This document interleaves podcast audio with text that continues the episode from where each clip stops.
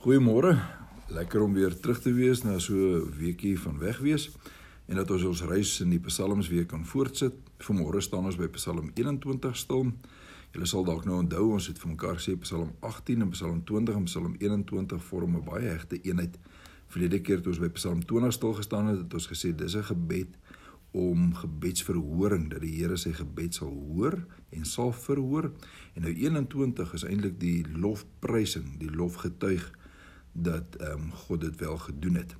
Psalm 21 is gebruik om die Here te loof vir die gebedsverhoring soos dit nou in die oorwinning van die oorlog gebeur het. Ja, gebedsverhoring oorheers Dawid se gedagtes in hierdie eerste deel van die Psalm. Ons lees in vers 3: Die wens van sy hart het U vervul. Ons hoor sy hartloop oor van blydskap oor die versoening van die Here. Daarvan vers 2 tot vers 8 word hierdie gedagte saamgevat. Wat hy van God geglo het, naamlik dat hy uitkoms kan gee het inderdaad nou gebeur, net soos wat hy in Psalm 20 daarvoor gevra het. Mense hoor ook in hierdie Psalm die verwysing na die goue kroon wat die Here op sy kop geplaas het in vers 4. Nou dis die verhaal van Dawid se oorwinning oor die Ammonitiese koning daar in Rabba. Jy kan daai verhaal daar in 2 Konings 12 van vers 26 af gaan lees. Daar word vertel dat Dawid die kroon van die koning se kop afgehaal het en hierdie kroon was van goud en hoor nou mooi, so wat 34 kg geweg en dit het 'n kosbare steen gehad. Ehm um, of bevat. En dit het 'n kosbare steen bevat. En dit het nou op Dawid se kop gekom. En hy het ook 'n groot buit uit Rabba saamgevat. Nou ek weet nie hoe loop jy rond met 'n 34 kg kroon op jou kop nie. Miskien het hy hom nie baie gedra nie, maar uh, dis amper 'n onmoontlikheid om die hele dag met so 'n swaar ding op jou kop rond te loop. Die belangrike vir Dawid egter in hierdie Psalm is nie so seer die oorwinning of die lang lewe of al die ander voordele wat sy verbintenis aan die Here vir hom gegee het nie, maar die nabyheid van die Here self. Dis vir hom die belangrikste, die feit dat hy naby God kan leef en dat hy weet God is naby hom. Dit gaan soos die ou klisee sê, nie oor die dinge van die Here nie, maar oor die Here van die dinge. En dit maak Dawid vol vertroue dat God ook in die toekoms sy vyande sal verdelg Soos ons dit in die tweede deel van hierdie Psalm sien, dit word daar van vers 9 tot vers 14 baie sterk gestel. En en en kyk net mooi hoe Dawid sy gebed dat sy vyande verdelg moet word, nie doen om sy eie nageslag te beveilig um, of sy eie eer daar te stel nie, maar om die eer van die Here te beskerm. Al die vloekpsalms, al die wraakpsalms wat ons in die psalmbundel kry, is is tipies hiervan. Dit gaan oor die eer van God. As daar gebid word dat die Here die vyande moet uitdelg en moet uitrooi en moet verwoes, dan gaan dit nooit oor persoonlike wraak of persoonlike eer nie. God se eer is bo alles belangrik.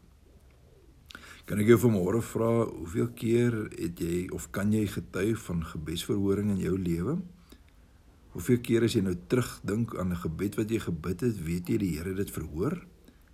Is dit nie dalk vanmôre weer 'n goeie tyd om hierdie Psalm deur te lees en dit jou eie te maak om veral die eerste gedeelte te sê my hart loop oor van blydskap oor die verzoening van die Here. Ehm um, ja, met die wens van my hart is vervul.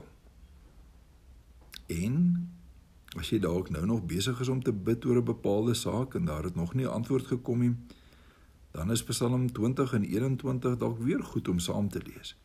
Om hier uit die sekerheid te kry dat dit wat gevra word, die Here inderdaad ook op 'n dag sal verhoor. Dalk doen hy dit anders. Dalk gee hy jou 'n ander antwoord, maar dit sal altyd 'n beter antwoord wees. God sal jou nooit 'n slegter antwoord gee as waarvoor jy vra nie. Ehm um, selfs al maak dit vir ons nie dadelik sin nie. Al voel dit vir ons ons het vir genesing gebid en nou die dood gekom of ons het vir dit gevra en nou het dat gekom. Miskien maak dit nie dadelik vir ons sin nie en voel dit vir ons die Here het eintlik 'n slegter antwoord vir ons gegee mag die Here vir ons help om tog met tyd te besef dat hy nooit foute maak as hy vir ons antwoord nie. En dat sy sy antwoord altyd vir ons, altyd vir ons die beste, die beste sal wees. Hm, jy moet dit nooit soos.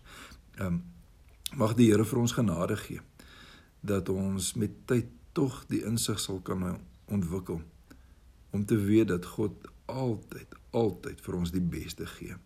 Dat God in sy wese goed is en daarom nooit as ons iets van hom vra vir ons iets slegs sal gee nie. Maar gebruik vanmôre die geleentheid om die Here te dank vir elke gebed wat hy al van jou verhoor het. Die wens van my hart het U vervul. My hart loop oor van blydskap oor die versoening van die voorsiening van die Here. My hart loop oor van die blydskap oor die versoening. Ag my magtig. My hart loop oor van die blydskap oor die voorsiening van die Here. Here baie dankie dat U ons gebede verhoor. Dankie dat U dit altyd ook ten beste doen. Selfs al verstaan ons dit nie altyd dadelik nie, al maak dit nie vir ons altyd sin nie, al voel dit vir ons ons het die slegte deel gekry. Gee vir ons asseblief die insig, gee vir ons die geloof om te aanvaar en te verstaan U is altyd goed. En dit wat ons van U vra, sal U altyd ten beste ook vir ons gee. Ons eer U daarvoor vir oggend. Amen. 'n Mooi dag en 'n wonderlike week verder. Wees veilig asseblief in hierdie tyd waarin ons lewe. Totsiens.